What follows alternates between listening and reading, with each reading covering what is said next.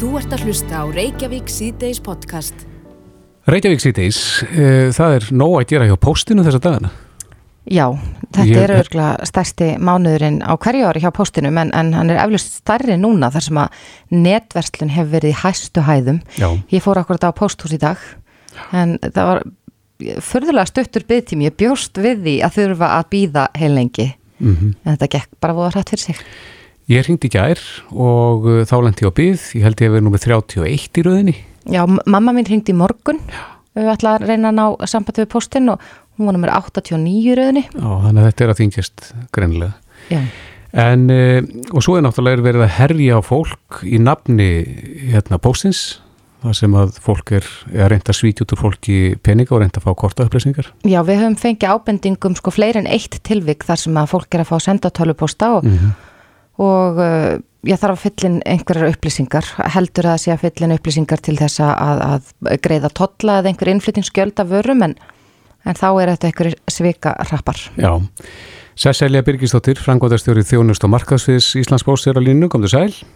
Komið þið sæl. Já, er alltaf verða brjálað þjá ykkur? Já, líf og fjör þessa dagana. Það er óhætt að segja það. Það verður aldrei, við hefum nú séð jólatrafikina vera ansið skröðlega og, og, og mikið líf en við hefum aldrei séð neitt í líkingu við þetta. Þannig að þetta er alveg, þetta er einstakir tímar, það er óhætt að segja það. Heldur þú að orsökinn fyrir því sé þessi aukning á netverslinu eða hvað veldur því að, að það er svona mikil trafík núna? Já, þetta er netverslunin sem er að springa svona út. Við sjáum það. Þetta er innlendarsendingarnar og við, ég var nú að taka bara út tölur í morgun og við, við sýnist við vera bara búin að núna í dag vera búin að ná öllum desember í fyrra í magni innlendarsendingum. Þannig að Bara í, já, sérst fram að þessum degi í desember þá að? Já, já, Já. það var það sama og við aðfendum allan desember í fyrra. Þannig að það er ofbóðslega aukning í, í netverslun og, og hérna Já, mikið líf og og ég þar held ég bara að só- sóttvarnar aðgerðnar er náttúrulega bara að spila stórt hlutverk í því. Já, er þetta þá mestmægnist þá innlend verslun, þar að segja á innlendum netverslunum? Já, þetta er mest innlend netverslun en síðan, og það er fækkun í erlendu sendingunum, en það hefur verið svolítið við sem erlendu sendingarna og það eru svolítið að sapnast upp sérstaklega sendingar eins og frá Asi og svo, það eru að sapnast upp á leiðin í ákvæmlega svona, þess að kallum svona höppum. Það sem að sendingaraðminn er að koma til okkar og þá eru þeir bara svolítið að sapna upp. Þannig að þetta kemur svona inn í einhverjum gusum og það er náttúrulega svolítið erfitt að, að fá það inn í kerfið þegar það er svona mikið í gangi og vinna þar hægt og vilniður. Þannig að það er eiginlega það sem er líka að valda aukna álægi. Það eru þessar, þessar gusur og sendingum, ekki jæmt flæði. Mm En hvernig reynið að mæta uh, þessar auknu trafík? Já, við erum náttúrulega búin að vera bara, þetta er búið að vera eila síðan í oktober, þessi aukning svona jæmt og þétt, en núna erum við svolítið farin að tala um að það er bara blagt væti alla daga, það bara er ekkit að minka neitt eh, eins og áður var og við erum náttúrulega búin að gera bara alls konar aðgerði, við erum náttúrulega sótvarnar hérna, uh, svona löggefin er náttúrulega að setja okkur aðeins uh, smá skorðir sérstaklega í vinslunni, við erum með 11 sótvarnar hólfi í vinslunni og getum bara unnið x marga sendingar þar í gegn og sólahring. Við vinnum alla, alla sólahringi núna og nóttinu er löngu búin að starta því. Við erum búin að fjölga um alltaf starfsfólk sem við getum haft í hverju hólfi. Þannig að við erum búin að maksa alveg eins mikið af fólki og við getum sett inn í vinstuna. Við erum búin að tjálta fyrir utan, þannig að við getum unnið úti, við hlöðum út á plani bílana, ekki lengur inni til að nýta gólfið inni. Við erum búin að fjölga alveg ofbúðslega starfsfólk í, þjónustilbæða póstúsunum og, og, og hérna í símsverðun og annað, bara alveg sem við mögulega getum. En það er greinlega ekki nóg svona með að við þessar miklu raðir Nei. bæði á stöðunum og svo í síma. Já, en sko eins og raðirnar eru bara fljóttar að fara út vegna, eða skiluðu vegna þess að mega bara vera tíu inn í einu. Við erum með fimm gjaldker og svo erum við hlaupara sem eru með svona hand, handvélar og síðan er afgreft út um alla glugga og bakvið. Þannig að þar sem eru opnaðlega fög þá er þetta kemur líka að raðna mynda svolítið kringum hátæðspil og sefnipartin. Það er svona það sem fólk verið þækja í, hljöfum í vinnun og svo leys. Þannig að hérna uh, þá erum við að afgreða líka ef það eru önnur opnaðlega fög til að, til að búa til fleiri afgreðstæði og, og við erum búin tvöfald að, margfald að flota í útkyslu, miklu meira en tvöfald að þannig að það er svona En hvað með, með þjónustu verið, Cecilia, þú veit, sögðum við náðuna að nú bara dæmi frá okkur tveimur hér að, að vera númer já, 30 og, og 80 í rauðinni? Já, já, og við erum, við erum að sjá byðina í, eins og bara í dag fara allt upp í 100 manns í rauð. Við erum búin að fjölga þar eins og við mögulega getum, en það er nú bara svolítið sérhæðu stöður. Það, er, við, það þarf fjálfa fólk og svolítið upp, þannig að við erum búin að fjálfa, bara fjölga þar eins og við mögulega getum, en þetta er bara, það er þetta er bara byggkynni, það er bygg í þjónustufyrð, en það er minni bygg á netspjallir við beinum fólki þanga, það er stittri stittri byggkynni þar. Og svo er líka bendið á svona callback mögulegan, það er að velja láta hringi í sig, þá heldur maður rauðinu sinni, maður þarf ekki að býða á línunni, en Nei. maður velur það. Ég er endur enn að býða sig en ekki er Já, það er leiðilegt að heyra. Það er ekki að klika það. Einmitt, það, en... það klikka bara hluti stundu þegar það er svona óbúslega mikið. Það er bara því meður sko. En Cecilia, svo ná, bætist ofan á þetta þessa fréttir af, af sveikurum sem að eh, senda post í ykkar nafni? Já, þetta er svona þetta er við búin að vera að glíma við svolítið lengi sko. Og, og þetta held ég að sé eitthvað sem að við erum bara farin að sjá með þetta er bara orðið yðnaður þessi, þessi stuldur á svona identity stuldur eða svona nafni, nafni fyrirtækja og, mm -hmm. og, og reyna að pretta peninga og það eru bara öll postfyrirtæki í Evrópu búin að vera undir árás núna sérstaklega því að þessi sveikarappa vita bara það eiga hvað flestir vona sendingum mm -hmm. en við bendum fólki á og það er óbúinlega góð síðan á postu.is þar sem er hægt að kynna sig aðeins hvað er að vara við sendum aldrei út link þar sem að þú ferð beint á greiðslu síðu. Við byrjum þig alltaf um að lokka þinn á síðum með rafræðan skiljum ef þú ætti að greiða eitthvað hjá okkur sem heitir minnpóstur og byrjum til fólks að kíkja á urlið efst. Við notum aldrei ótreyðar síður eða við sem alltaf inn á minnpóstur fyrir greiðslur. Mm -hmm. Þannig að endilega kynna sér það og ekki og ef maður sko ávona sendingu endilega tjekka hvort þetta er sama sendinganúmer að vona á. Það er að vera svolítið gaggrinn á þetta núna. Akkurat. En eh, já, þú segir að þessi vandamálsið er búin að vera glíma við nokkuð lengi, finnst þér, er, er þetta meira núna uh, akkurat eins og segir út af því að nú eiga mjög margir vorna á sendingu? Já, sko þetta er búið að vera núna síðustu mánuði og þetta kemur alltaf í svona holum og það er rosalega til miður fyrir það fyrirtæki sem lendir í svona uh, að það er raun og verið rosa lítið sem fyrirtæki getur gert nema sko við byrjum til fólks endur að tilkynna síðunar og til dæmis eins og síðan var, fór tölupóstur í gæra og alveg ofbosla marga bara íslendika, maður bara heyrir það mm -hmm. og, og við, en hún var tekið niður í morgun bara hreinlega vegna þess að það voru svo margi búin að tilkynna hana sko. Já, það er eða besta leiðin sko. Tilkynna sem fyrst þegar að fólk lendir í, í svona Já Já, e, við óskum ykkur bara góðs gengis, það er svo sem nóg eftir fram að jólum. Sesselja Birgisdóttir, frangværtarstjóri Þjónust og Markasvis Íslandsbós. Takk fyrir þetta. Takk hjá það. Þú ert að hlusta á Reykjavík C-Days podcast. Reykjavík C-Days, það er nú ymsa spurningar sem að berast okkur í gegnum símatíman okkar. Mm -hmm. Það var hlustandi sem að ringdi inn í gæraða fyrradag, minni mig, og var að velta fyrir sér þessum bólusetningum. Já, við erum öll að býða eftir bóluefni en eh, við gáttum ekki svarað spurningunni hans en spurningin hljóðaði eitthvað þann veg sko að það væru mörg afbríða, margir stopnar af kórunveirunni og hvort þetta bóluefni sem verið er að þróa núna mm. hvort það muni virka á alla þessa stopna sem til eru eða þá sem munu koma til með að byrtast jafnvel síðan mér og eh, þar sem að við erum nú ekki sérfræðingar í þessu málefni að þá ákvaða að leita til sérfræðingsins og á línunni er Arnar Pálsson, erðafræðingur og professor, professor í lífupplýsingafræði við Háskóli Ísland. Kom til sæl. Selveriði. Já, þú ert maðurinn með svarið. Er, er mun þetta bóluefni sem verið er að þróa núna virka á alla stopna verunar? Það er hérna bara mjög líklegt að þessi bólefni sem hafa verið kynnt núna muni virka á alla stopna verunar af því að grunnatrið er að það að þessi veira hún þróast mjög hægt og þegar við tölum um stopna sem segjum grænt eða blátt afbreyði eða, eða einhver önnur sem er í útlendum þá er munurinn bara mjög lítill á Já. milli þeirra.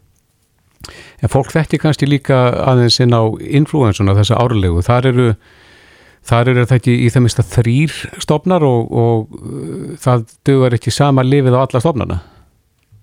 Nei, það er sko hérna, það er svona grundallar munur á sko þessum veirum að því að hérna koronaveirun eru með eitt langan litning en influensaveirun eru með hérna átta uh, aðskilda litninga og hérna að því að þá geta sko í tilfelli hennar þá getur síking með tveimur influensaveirum í sama einstakling mjög auðvitað að leita að sér eitthvað skonar uppstokkun á gerðum. Og það er sko, það hafi kjarnin við sko uh, árangur, ef við getum sagt sem svo, influensuveira, að það er stokkast upp mjög greiðlega og búið til mjög mörg hérna, ólíka afbreyði úr hérna, jafnvel eins og þegar tala um sko svínaflensur eða eitthvað svoleiðis, þá eru eitthvað influensur sem hafa voru að smita svín blöndust við influensur sem smita menn og þá hoppuðu eitthvað gen á milli og gáðu þeim nýja virkni sem er svo hérna ílvíg og erfið. Er hægt á því að koronaveiran, þessi sem við erum að fástu við núna, að, að hún geti lent í þessum farvegi? Það er nefnilega það sko að því að þessi koronavera sem við erum með núna uh, hún er bara af einum meiði sem kom þá inn í, hérna, inn í menn hérna í lók síðast árs. Og, og allar hína gerðirnar þær eru svo fjarskildar að það er bara mjög ólíklegt að þær séu að fara að endurraðast hérna, í einstaklingu sem smittast þannig að hérna, það er eiginlega ekkert sem bendir til þess að þurfum að óttast svona fjölbreyði sprengju eins og gerist á influensu. Og, og, og síðan er alltaf líka það að þessi veira með hérna, mjög lága stökkbreyði tíðni og verist verið að þróast bara mjög hægt. Þannig að hérna, það var gert, gert bókald hérna, tvær nýlega greinar í hérna, PNAS hérna, tímaröði bandaræsku vísinda akademíun og þá Jason Ross og félag að gera svona bókald á sem sagt, þeim hluta veiru erðamengi sem, skráir fyrir próteinunum sem að ónæmiskerfið og bólefnin er, er að kljást við sem er svona sigur prótein sem standa út úr þeim. Og þá er sko breytileikin í influensu hann er umtalsverður. En hérna í koronaverunni sem er að smita okkur þá er hann kannski hundra sinnum minni eða jafnvel ennþá minni en það. Þannig Akkurat. að hún, hún er bara miklu, miklu einsleitari heldur en jafnvel sko mislingar eða, eða influensur eða eitthvað livrabólgur eða eitthvað sko. Já, við munum nú flestir eftir því um daginn þegar var verið að fjalla um uh, minka í Danmörku en þá hafði greinst koronaviru smitt í minkum, ég held sé að fara með rétt mál og þar var mikið talað um sko stökkbreytingu verunar og, og það, þá hættu sem gæti skapast ef það myndi síðan smitast í menn. Já, það er svona, ég er ekki búin að lúslesa hérna dönsku gögnin en hérna svona með það sem ég heyrði þá, þá, þá var þetta, jú, þetta var annað afbreyði, það skeikaði þá einu með teimur börsum á erðarsamsendingu en öll veiran er þarna næstu í 30.000 basar og það er eiginlega, þótt að sérst, sé eitthvað svona munur á einu, tveimur, þreimur stöðum og eitthvað smá kannski í, í virkni, þá er bara mjög ólíklegt að bóluefni gegn sko, eðna, notum þess að stimpla manna eðna, koronaveirinu og minka afbreyðinu eða stofninum. En að bólefni mun klukka hvort tvekja. Akkurat, en svona Arnar með þá þekkingu sem þú hefur í dag og, og það sem þú ert búin að sankaður upplýsingum um þetta og, og þau bóluefni sem eru væntanleg getur þú sagt með nokkur í vissu að, að, að þessi bóluefni muni já, já virka á uh, alla þessa stofna? Já, mér að það er, fyrsta lagi bara aðalatrið það, það sem við tölum um sem stopna er raun og veru bara svona mjög fín blæbreyði. Þannig að það er raun og veru ekkert að bendir til þess að hérna, sagt, uh, þessi bólumni muni ekki, ekki virka á all þessi blæbreyði afbreyði. Eitthvað eins og mislingar sem er með eiginlega kannski tífaldi að 20-faldan breytileika á borðið þessa koronaviru. Þar eru bólefni sko 95 til 100% hérna, effektífið að virk. Þannig að það er eiginlega ekkert sem bendir til þess að hérna, bóluefnin hérna, mun ekki geta sagt, plukkað öll, uh, alla stofnana eða afbreyð. Nei. Verður þá að öllu líkindum nóg að fá þessa einu bólusetningu og, og svo ekkert meir?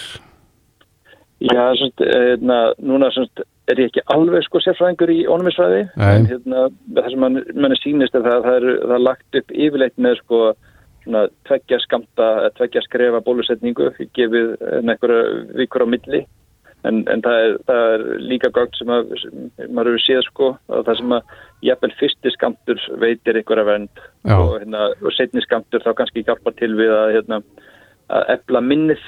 Þannig að hérna, hún er með styrir muni eftir þessu lengur hérna. Já, og hversu lengi nær þetta minni? Að því að nú er verið að bólusetta fyrir þessar árlega influensu árlega. Mm -hmm.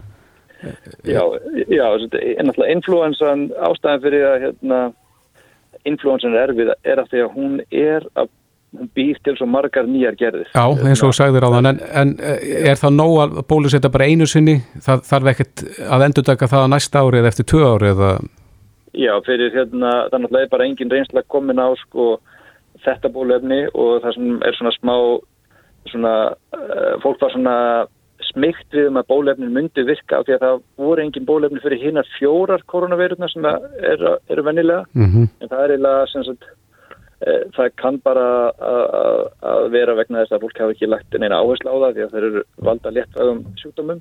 En hérna e, svari við spurningunni það hlýtur eiginlega bara velta á því sko hvernig ónæmiskerfið er að muna eftir þessu smiti. Þannig að það, það er bara reynslan á eftir að segja okkur það. Þannig að hversu, hversu vel ónæmiskerfin muna og hvort þetta þurfi einmitt svona uppfrískunar við eftir ári eða, eða fimm eða hvað, hvað það er. Mm -hmm. Það er bara ofin spurning. Og er þetta þá eins með þá sem hafa smitast af kórnuverðin og mynda mótefni, þá er erturinn verið búin að mynda mótefni gegn öllum þessum já, mögulega stökkbreyttu útgáfum sem að gætu byrst síðar?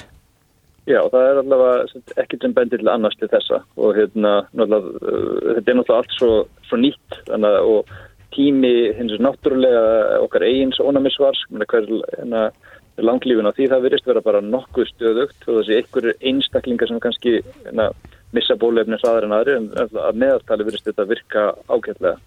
Þannig þannig að það er alveg ástæðið þess að vera vongóður og hérna, þetta sé náttúrulega opna spurningar. Mm -hmm. Arnar Pálsson, professor í erðafræði við Háskóla Íslands. Kæra þætti fyrir þetta. Takk fyrir samtalið. Bless, bless. Hlustaðu hvena sem er á Reykjavík C-Days podcast. Reykjavík C-Days heldur áfram. Sundlöðarnar opnuði í dag. Já. Ég sá frétt á vísi þar sem að fastagestir voru komnir utan lögadalslaugina núna mm -hmm. bara klukkan 6, eh, fyrir klukkan 6.30 í morgun. Enda stór stund eh, fyrir þá sem að hafa haft þetta svona sem fasta punkt í tilverunni. Já, en það sem ég var, eh, svona mér fannst fallegt að heyra eða lesa í þessari mm -hmm. frétt er að, að einn viðmælanda vísis sagði að, að þessi svona hópur fastakesta sem eru vanir að hittast í pottinum þeir heldu áfram að hittast en bara á kaffihúsi og já. þess að ræða daginn og veginn. Já, já, þetta er náttúrulega félagslegs eðlis líka. Akkurat. Ekki síður. En við erum forvitin að vita hvernig hefur gengið í dag og hvernig sóttvörnum og öðru er háttað í sundlegum Reykjavíkuborgar og línunni er Steinfór Einarsson, skrifstofstjóri Íþróttamála hjá Reykjavíkuborg. Kom til sæl. Já, komið sæl. Hvernig við gengið á ykkur? Er, er mikið laðsókn? Já, við, eins og þið sögðu, þá opnaðum við 6.30 í morgun. Það farið rólega á stað, en það er samt hérna, tölverdagestum svona í vennilega árferði þá þegar komið þið fram í miðan desember þá nú farið að draga aðeins úr aðsókn. Þannig að þetta fer rólega á stað, en mm -hmm. samt það hefur gengið vel og það, það er hérna bara öllu stöðum, hefur heilt yfir gengið vel. Ertu með ykkur á tölur? Nei, ég er ekki með tölvu. Við hefum ekki, það voru byrjaðir í morgun við staðina, mm. en uh, síðan hefur gengið alveg ágætlega og það er náttúrulega ennþá í gangi skólasund og annað og þau telja ekki inn í þessa, þessa, þessa takmörkun grunnskólabörnin en, en hérna það hefur bara gengið allt vel, það hefur ekkert verið neitt ekki eins og var þegar við opnuðum að nýju þarna í um meðjan mæ. Nei en enda kannski ekki sama veður farið núna á þá. En uh, Steinþór, við tókum eftir því að, að uh, einhverja sundlegar hafa tekið upp á því að, að sína á netinu svona í rauntíma hversu margir eru ofan í laugunum. Hefur eitthvað slikt verið tekið til skoðunar hjá Reykjavíkborg? Já, já, við, það, það er bara svona hluti af ymsum snjallöstum sem verður að, að hérna, taka í nótkunni á Reykjavíkborg og það er ekki í sundlegunum hjá okkur núna eins og er. En við teljum þetta handvirt ofan í laugunar en, en það er ekki hægt að sjá það ekki, ekki allan eins og staðan er í dag núna. Nei. en við erum svona það, það, það get alveg komið tímar og það má alveg að vona á því að setja partin í dag þá verður það þannig að við getum ekki tekið við öllum.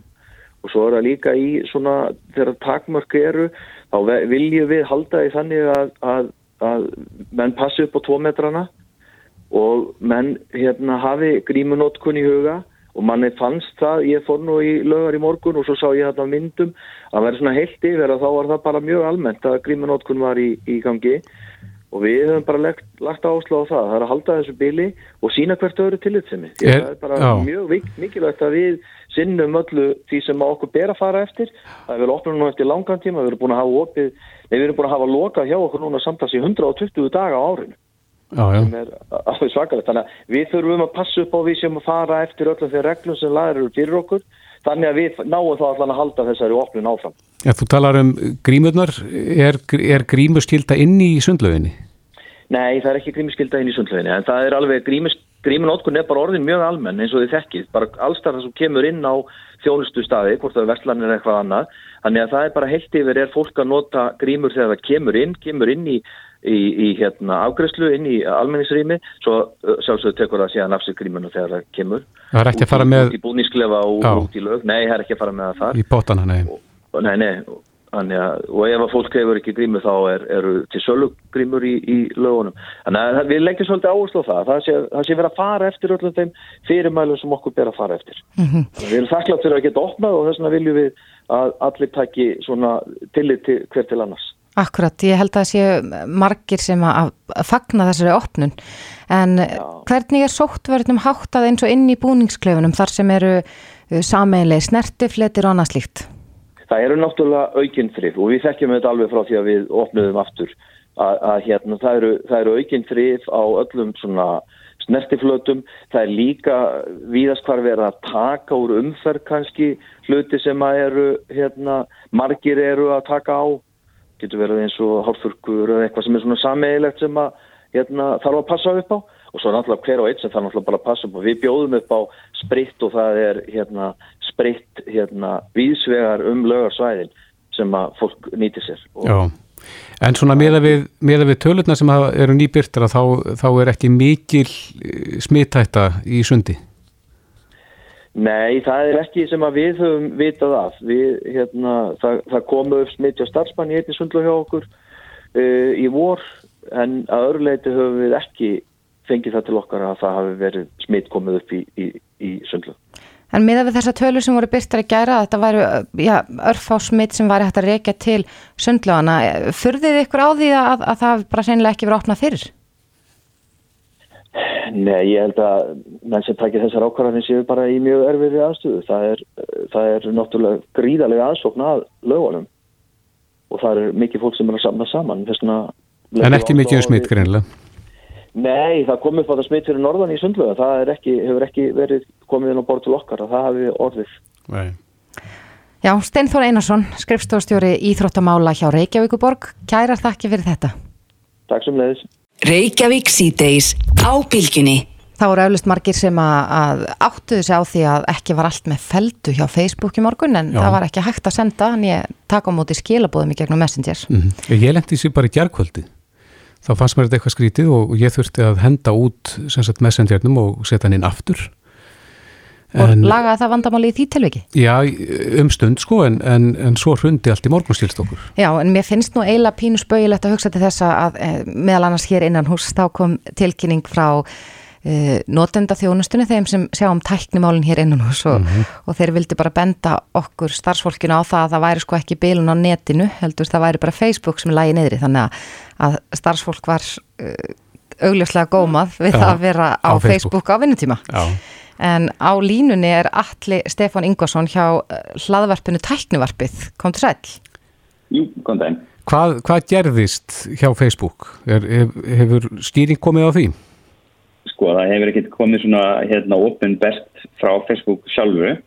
Uh, það er samt vitað að Facebook uh, sé að vinna því innanhús að sagt, undirleikandi kerfi fyrir skilabóðakerfin sín sem eru ekki bara Facebook Messenger uh, og ekki var það bara Facebook Messenger sem datt niður í morgun upp úr 9.30 heldur voru það líka Instagram, Direct Message og WhatsApp hérna skilabóðin þau lendi öll í vandræðum og e, svona þeirjan í, í mínum geira er að, eða tilgáttan í mínum geira er að þetta sé vegna þessari saminningar að það verið að, verið að samena þjónustuna í eitt kerfi í stæðan fyrir að vera með mörg kerfi sem eru þetta mjög skilvirt en það verið að hafa í förmur sér að það er slatti niðurtími. Mm -hmm. og við sjáum að núna síðustu 90 dana þá er hægt að, að sjá hvort það sé einhver niðurtími inn á hérna, síðu hjá Facebook developers.facebook.com þar getur við séð að það er búið að vera slatta af útvöldum núna í tvær vekur þannig að það er greinlega einhver þung vinna í gangi sem hefur áhrif á öll kerfin. Já, ég rakst á það á Twitter í dag að það var einhver sem var að hafa ágjörði að nú væri komið að, að, að já, stundunni þar sem að, sem allir kannski kvíða að, að það sé verið að gera 12 ára á Facebook og að Messenger skilabóðun okkar muni uh, leka, einhver Já, fái aðgang að öllum okkar persónulegu skilabóðum heldur að við þurfum að hafa ágjör af því? Nei, þetta er ekki, þetta er ekki árós það er staðfest. Og sérst, ef að Facebook væri undir árós hérna, þá er þeim skilt tilkynna slitt uh, og það, það er ekkert búið að heyrast af því. Uh -huh. uh, sagt, ég sá hérna mynd á Twitter að Sverrir félagin minn á Twitter segir hérna í ljósi stóra Facebook-legan sem vil ég benda á að ég hef verið í blackouti til 12 árin eins og Gunnabræði Eh, ákveðstrandari en nei, það er ekki í gangi og hérna, þetta er einingis eh, kærleikssondval um, mjög fyndið ég fór inn á Twitter meðan að neyri tímin á sér stað sem, sem kom í lánuna uh, klukkan þrjú og okkar tíma. Og þá var svo mikið af fólki í bandrækjum sem hafði farið yfir á Twitter þess að stunda sín samskipti að Twitter var næstu bara laðist, laðist næstu á liðina og það voru komað villur og þeim líka. Já. Herruð, við býðum það bara frekar í frétta en, en þetta virðist svona í fljótubræði ekki vera árás. Nei. Nei. Alli Stefan frá hlaðvarpinu Tæknivarpið, kæra takki fyrir þetta. Já, smleis. Þetta er Reykjavík C-Days podcast. Reykjavík C-Days á bylginni. Mm -hmm. Það eru alltaf að berast fréttir af sveikarhöpum. Já, því miður. Því miður og sko, málið er það að sveikarhöparnir mm -hmm. er alltaf að verða snjallari og snjallari. Já Um, það er mjög mýmörg dæmi þessa að, eins og við töluðum um áðan að með postin mm -hmm. mýmörg dæmi þessa að sendir út bref í nafni íslenskra fyrirtækja og, og svona við fyrstu sín veriðst þetta vera svona nokkuð skotthælt mm -hmm. íslenskan er ágætt ofta tíðum. Ég er alltaf að verða betur og betri. Já, hún er að verða betur og betri en, og það eru margir sem lenda í þeirri grefju að, að slá inn kosta upplýsingar og, og og þannig er þetta að hafa af okkur fjö. Mm -hmm. Við heyrðum af einhverju hrínu sem að skall á í gær og einhverju sem að byttu þar á vagnið en, en við erum komin í samband við Reyni Bjarnar Eilsson, hann er deildastjóri hjá Valitor, kom til sæl. Jú, góða dæl. Eru þið með tölu yfir hversu margir fenguð þessa sendingu í gær frá Svikarhöfunum? Nei, við erum ekki með tölur að þetta kemur líka tölupúst á við erum ekki neina hérna e, tölfræði það nákvæmlega Nei, en hafið, þið fáið vantilega tilkynningar þegar að, þegar að svona gerist? Jafnvel fár fólki e, sem að hefur þá lendi í vandraðum Já, já, það, fólk ringir eins og í þjónustur okkur og í bökkunum þegar það lendir í ykkur og svona og, og hérna aðtöfa málinn og líka byrju uppsingar mm -hmm. þannig að við, við veitum fljótt að þessu og aukast já, herum við líka bráðið að sjáum þetta í kerfum okkar að sé eitthvað skrítið þannig að við reynum að bregðast mjög fljótt við. Ef að fólk uh, fellur í grefju sveikarhappana, slærin upplýsingar og, og, og staðfestir með einhverjum, einhverjum svona öryggiskóða að, að þessi greiðsla skuli fara í gegn, hver er réttast að þeirra sem að lendi í þessu? Uh, almenna þjómalputareglan er, er, er svo að þú staðfestir eitthvað svona og algengast að staðfestingin er alltaf bara uh, pinnumer í Veslun uh, ef þú slæðir svona staðbæstingakóðaðinn þá ert í raun og veru að já, skrifa undir fæsluna og það er nákvæmlega þess vegna sem við erum að brína fyrir fólki bæði fréttatilkynningum og, og fleira að passa sér alveg svakalega að hérna, skoða þessa staðbæstingakóða þeir hérna uh, þeir geta komið til dæmis færðu kannski hérna tölubúst og heldur þetta borga 1990 krónur til pósins síðan 500 setna færðu það sem eskoðast og í hjónustendu 1990 eurur frá mm -hmm. söluðala í Európu Já. þá þarf fólk að lesa SMS hvað er virkilega verið að byggjum og ekki staðfesta nema þetta líti alltaf í lút og þá kemur fram 1990 ísleika krónur frá postinu Akkurat. E, e, hversu algengt er það heldur að, að fólk falli fyrir þessu? það er, það kemur fyrir það er, það er ekkit óbúslega algengt en það er oftar heldur en við viljum auðvitað en þetta kemur svona í bylgjum. Uh, ég myndi, já, ég myndi segja að það sé ekki að margint og að höldum en, en já, kemur vissulega fyrir. En er engin öryggist tímið þarna? Því að nú veitum við það að eh, korta greiðslur, sérstaklega kreditkorta greiðslur, það er ekkert að berast seljanda vöru uh, á, á sekundunni, það er að segja að sömur fá þetta bara greitt um næstu mánamót, er engin svona öryggist tími, þó að það sé ekki nema hálftími ef að fólk kemst af því að það hafi verið gappað til þess að komi vekk fyrir að greiðslan fari í gegn? Uh, það er mísjönd, þetta er kannski tvær spurningar sko. Uh, í fyrsta lagi þá myndu bara hvetja kort af að hafa samband við leið og að lendi ykkur svona gildu, að hafa samband við bankasinn eða, eða valdur eftir lókunum tíma sem stjóndur vera bankana Mm -hmm. og, og sjá því að oft gerist þetta já ekkert strax uh, við, oftast reyndar þegar það eru uppið frá staðvistíða kóða þá, þá er, er þetta að gerast frekar hratt en oft er við reyna að stela, þessum kortuöflingum og það er bara notað setna þannig að það er ofta þetta að bregðast við því. Mm -hmm. en með þessu uppgjöf þá er það náttúrulega bara ef við gengum frá greiðslu þá er þá þarf valdur eða bankarnir að, að greiða slíkt í vísa strax en, og við höfum engin áhrif það er að segja korta útgáfu hlutin hvernig uppgjöfið kaupmennur það, það er hinliðin á hvað segja korta starfseminni sem er svo kallega fæsluðunar og ég get ekki svar við það Nei, en uh, þið eru vantilega í sambandi við þá vísa, uh, móðurfélagi úti, fólk lítur að vera að lendi þessu út, út um allan heim, þannig að þið eru menn ekkert að reyna að finna ykkur ráð svona til þess að geta verið skrefið á undan þessum þrjótum. Jú, jú, það er stanslis vinna í því og, hérna við fylgjum með þessu alla sólvengina öllum hjá okkur og, og, og þegar einhver svona, hvað segja, bylgir skella á okkur þá, þá fólk ákvæm kvöld að reisa gyrningar til að koma í veg fyrir það sem að gerast og, og hérna, og síðan með fyrirspötinguna um hérna, það er náttúrulega reglur að uh, kortasamtökunum, hvernig er unnið svona sveikamálum og, og það er alltaf þessi virði að hérna uh, virði að hafa samband og, og og leggja upp svo hvernig máli er og hvað þetta er upp og að hérna, reyna þá endurgjörslu og endurkröfu á, á kaupmanni ef það er bara sann að þetta sé sveik og flöð þannig að er, er, sem, er sem sagt í raun og veru sjens á því að, að mótmæla færslunni jafnvel þó að maður hafi sleiðin þennan öryggiskóða? Þumalbutareglanir ef, ef það er staðvist að, að þá er það eh, ekki hægt eða mjög erfitt en í öllum tilugum hérna, eh, endilega hafið samband við bankan og hérna En staðan er sem sagt svo að, að um leið og samþykir færsluna og, og býtur á agnið að þá er, er, er þetta að tapa því? Í mörgutilugum, já, það er bara hann og þess vegna erum við að reyna að kvöta fólk að- vera á varbergi því að eins og hún sagði upp að það hérna. Þeir, þeir eru alltaf að vera betur og betri að, veiða þessar upplýsingar um fólki og þetta líta mjög raunverulega út. Já, en það eru svona vísbendingar í þessum póstum sem, að, sem ættu nú að gefa upp, uh, eða vísbendingar og það að þetta séu svik, bara orðalag, texta og annað slíkt og, og netfeng og, og annað. Já, það er rétt. Bæði ef það er ykkur hlekki sem á að smölla og ef maður hérna, þá setur músa bendilin yfir það, þá getur komið ykkur skrítinslóð sem maður ekkert líkt uh, fyrirtækin sem það á að koma frá. Uh, það geta verið mismunandi, málfarsvillur og svona eitthvað sem er ekki 100% íslenska í þessu.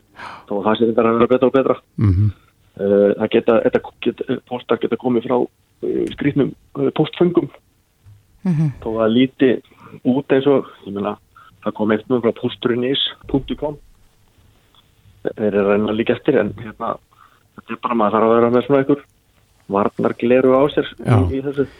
En, en ef að það, það, síðasta ferlið eða síðasta skrifið hefur ekki verið stíð, þar að segja sett inn þetta þessi öryggistala sem að sendir þá með SMS-i, Mhm. eh, ef að maður er búin að setja inn korta upplýsingar og búin að senda það á bara eftir að setja inn síðustu töluna, þarf samt að loka kortinu. Þar að segja, er maður búin að gefa þá ómiklar upplýsingar um kortanúmer og annað slíkt. Já, það er yfirleitt betra sumir eru reynilega bara reyna að sapna þessum kostaupplýsingum og vil selja það bara á okkur um braski sko og hérna uh, þannig að það er ef að, ef að einhver hefur grunnsendur um að hann hefur látið kortnúmur sitt í villis að hendur endilega á sambandi við bankana eða valdur og, og hérna láta lúka því og bara skoða hvað hvort eitthvað skrítið hefur verið að gera þessi korti. Já, við hvetjum alla hlustendur til að gera það. Reynir Bjarni Egilson, deildastjóri hjá Valitor. Kæra þakki fyrir þetta. Takk svo um leiðis. Reykjavík síðdeis á Bilginni podcast. Jæja, Reykjavík síðdeis. Uh, ég heyri stundur svona út undan mér að fólk er að spá í erðamál Mm og sérstaklega þegar kemur að eignum sko milli landa. Það er náttúrulega fjölmarkir Íslendingar og það hefur færst í vöxt sem að kaupa sér sumarhús á Spáni eða, eða sumarhús á Flórida. Akkurat. En uh, svo er alls konar sögursegnur um það hvað gerist ef að fólk fellur frá. Það er að segja hvað verður um eignina. Og ég hef heyrt í flekt fram að, að ríkið í einhvern tilfellum bara heyrði eignina. Það er að Jaha. segja ríkið þess lands uh, sem ég á reyndar erfitt með að trúa. Já, það eh, væri örgulega bara sniðast að fá þetta hreint. Ég held að, að, sko, að fólk átti svo oft ekki raunverulega á erðamálum en, en þess vegna er gott að leita til lögmanna. Já, Gísli Tryggvason, lögmaður, landsrétta lögmaður sem hefur nú sérhaft sig í erðamálum er á línu, kom til sæl. Sælverði. Já, hvernig er það? Þetta náttúrulega færist í vöxtir hætti og þú sér það í þínu starfi að, að fólk á eignir við svegar um heiminn.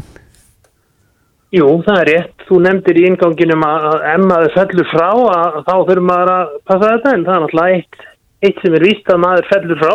Þannig að það er best fyrir alla, sérstaklega eiga miklar eignir eða í mörgum löndum eða lifa, eða hvað sé að hafa eh, flóknar í fjölskyldugerð að huga að þessu í samráðu við láman eða að vera lagfróðan eh, áður maður fyrir að bila í kollinum og áður maður deyra þetta. Já, að gera erðaskrá þá, þú, þú mæli með því. Já, með, með það hvort það þurfa að gera erðaskrá, það þurfa ekki allir að gera erðaskrá ef þeir eiga einfalt líf og ein, einfaldar eignir, Mm en ef þeir eiga til dæmis eignir á Spáni eða í bandaríkjum eins og þið nefnir, þá er rétt að huga því hjá lögmanni sem að þekki líka til lögsögu þessara landa.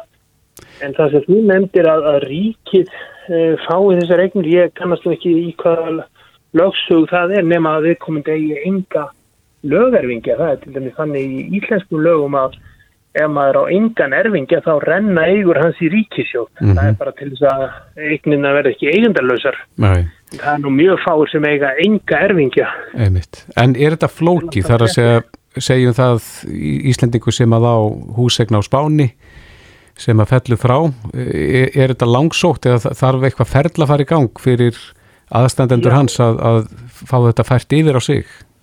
Já, það getur nefnilega verið svolítið tímafrekt og margir hafa farið þá leið að gera ráðstafanir jável eftir spænskum lögum um það. Uh, þó að lögin á Íslandi séu nú alveg skýr með það að ef maður er búsettur á Íslandi nema þetta er þá gilda íslensk erðalög og íslensk skiptalög um skiptin mm og erfiðnar uh, þannig að í raun er það rámt að, að, að það þurfi að gera einhverja ráðstafanir af því að egninar eiga renna til hins íslenska dánabús en af því að þetta getur verið svo tímafrekt og flókið þá fara margir þá leið að gera gerninga eftir spænskum lögum til þess að einfalda málinn eftir sinn dag. Akkurat, það var eiginlega næsta spurning sem ég ætla að, að bera upp er sko, hversu mikið er flækjustíðum? Það hefur oft heyrta að sko, okkur finnst kannski íslensk stjórnvöld stundum vera sein til en, en að staðan geti verið enn verri e, utan landstennina.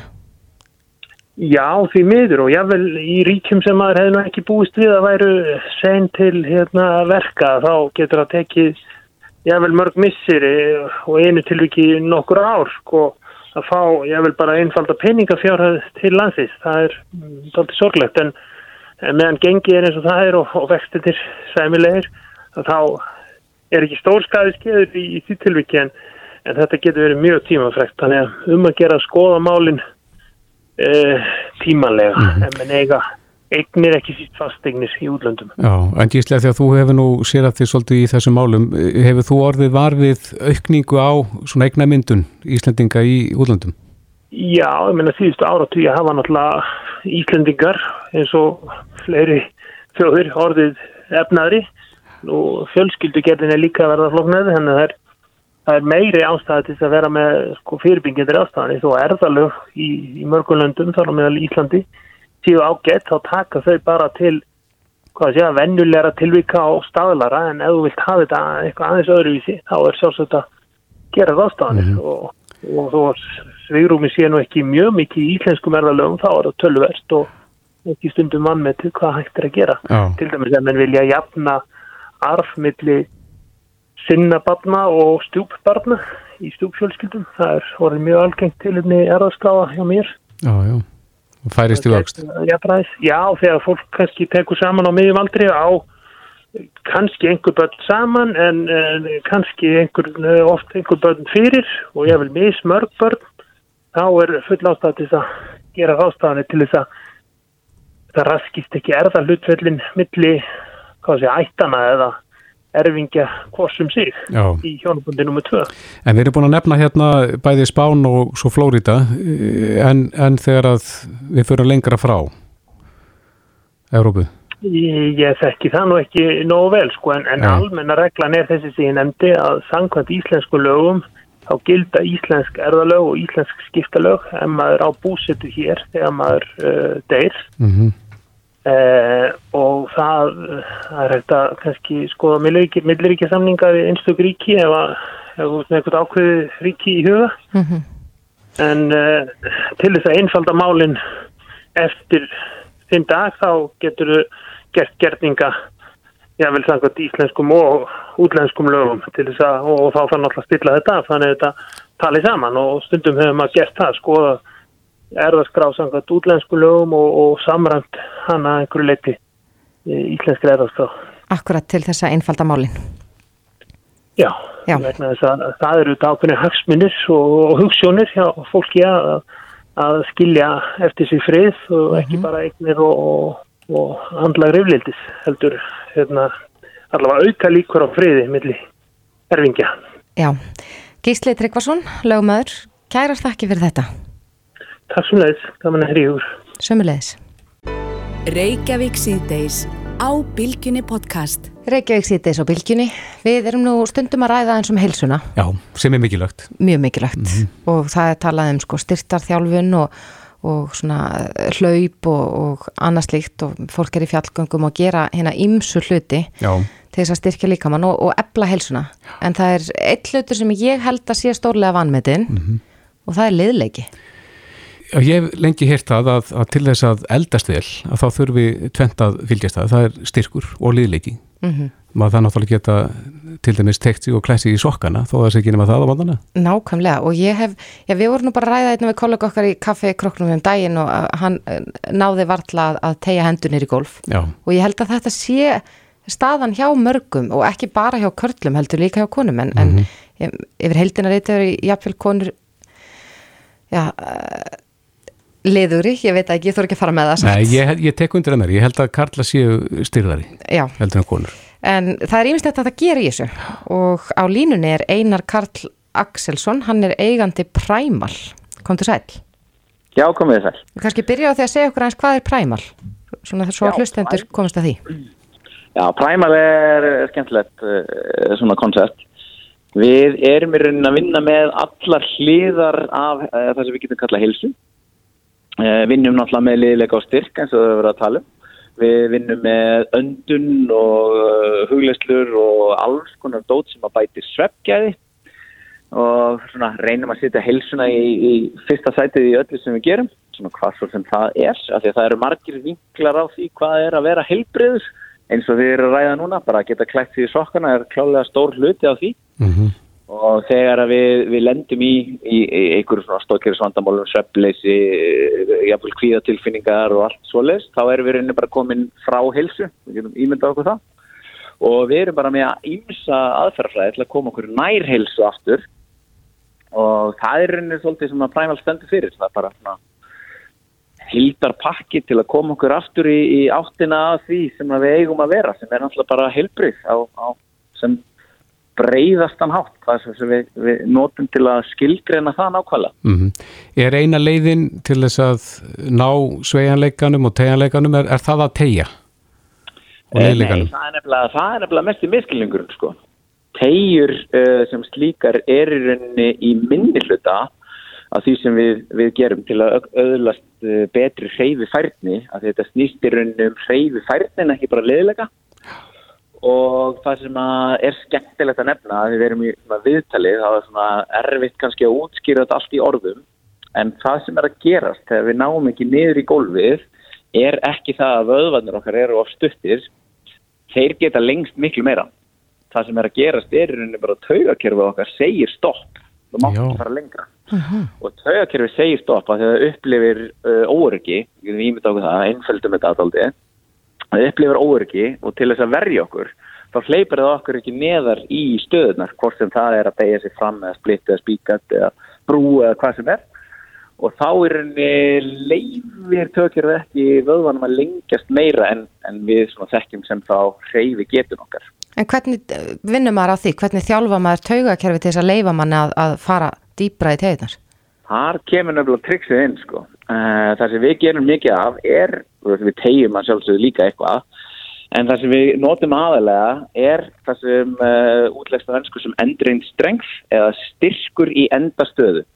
Sem þýðir það í rauninni að við myndum fara í segjum frambægjastöðu og í staðin fyrir að reyna að toga í rauninni fingurna nær gólfinu Mm þá getum við sett pall undir fingurna og reynda að íta í hann eins fast og við getum. Þannig að vöðvarnir sem eru raunin að draga okkur niður í átt á tánum fá að vinna vinnu og verða sterkari. Þannig að þegar þeir verða sterkari þá opnast fyrir uh, spennuna í hinum einn og við komumst lengra á neðar í átt á gólfinu og verðum þar leiðandi liðuri og með bættir í hreyfi getu. Þannig að það skiptir ekki bara máli að vera liður, við verðum að geta nota þennan liðleika og þá með styrk og þá erum við komin í þessu eða hreyfi getur. Það er það sem skiptir mestu máli. Og geta allir tilenga sér þetta? Er, er, er einhverjir sem að geta, geta ekki orðið liðúri eða E, já, við erum náttúrulega mismunandi öll og sumir eru þess að þessu töluðum á hann svona meira, með meiri gen í, í liðleikan en eiga þá erfiðara með að mynda styrkamóti og þeir sem eru stífir eru þá yfirleitt sterkari og eiga, eiga erfiðara með að vinna inn, inn uh, liðleika svona. Eh, Þannig skiptist þetta aldrei á milli, en í rauninni skiptist það þannig að við þurfum bara að vinna á hliðinni þar sem að veikleikarnir mínir eru. Það er aldrei sem við gerum í præmáli, finnum veikleikana, uh, lögum þá og þá er ég alltaf komið með algjörlega nýjan líkama til að bara takast á við daglega störf. En eh, Einar, segir mér, hvað, hvað, sko, segjum sem svo að þú sért, fáir til þín einstakling sem hafi, mm, hefur bara all, alla tíð verið mjög styrður. Já. Styrð eða styrður, bæði, sko, karlkins eða kvenkins. Um, hvað getur þetta leitt af sér ef að maður gerir ekkert í málunni, ef maður er bara styrður alla tíð og, og fram á fullarinsár? Hvað Já. getur þetta haft í för með sér? Það er, uh, þá erum við að horfa á svona lengri tíma stóðkjærisvandamál og það er allt frá því bara að vera eðilega sér í njánum upp í brjósklós og útbunganir og, og, og svoleiðis vestin í hryggjónum og svo náttúrulega þegar við erum komin inn í 50 aldurinn eða eitthvað svoleiðis og þá er fólk bara að fara að horfa liðskiptið aðgerður og því að það er, þú veist, þegar fólk er að beigja sér fram og næri ekki gólfið og hlæri, þetta er rosa fyndið, sko. Að sjá það í stífur. en þetta er alls ekki, alls ekki fyndið, sko, því að uh, lengri tíma áhrifin eru náttúrulega bara alls ekki góð.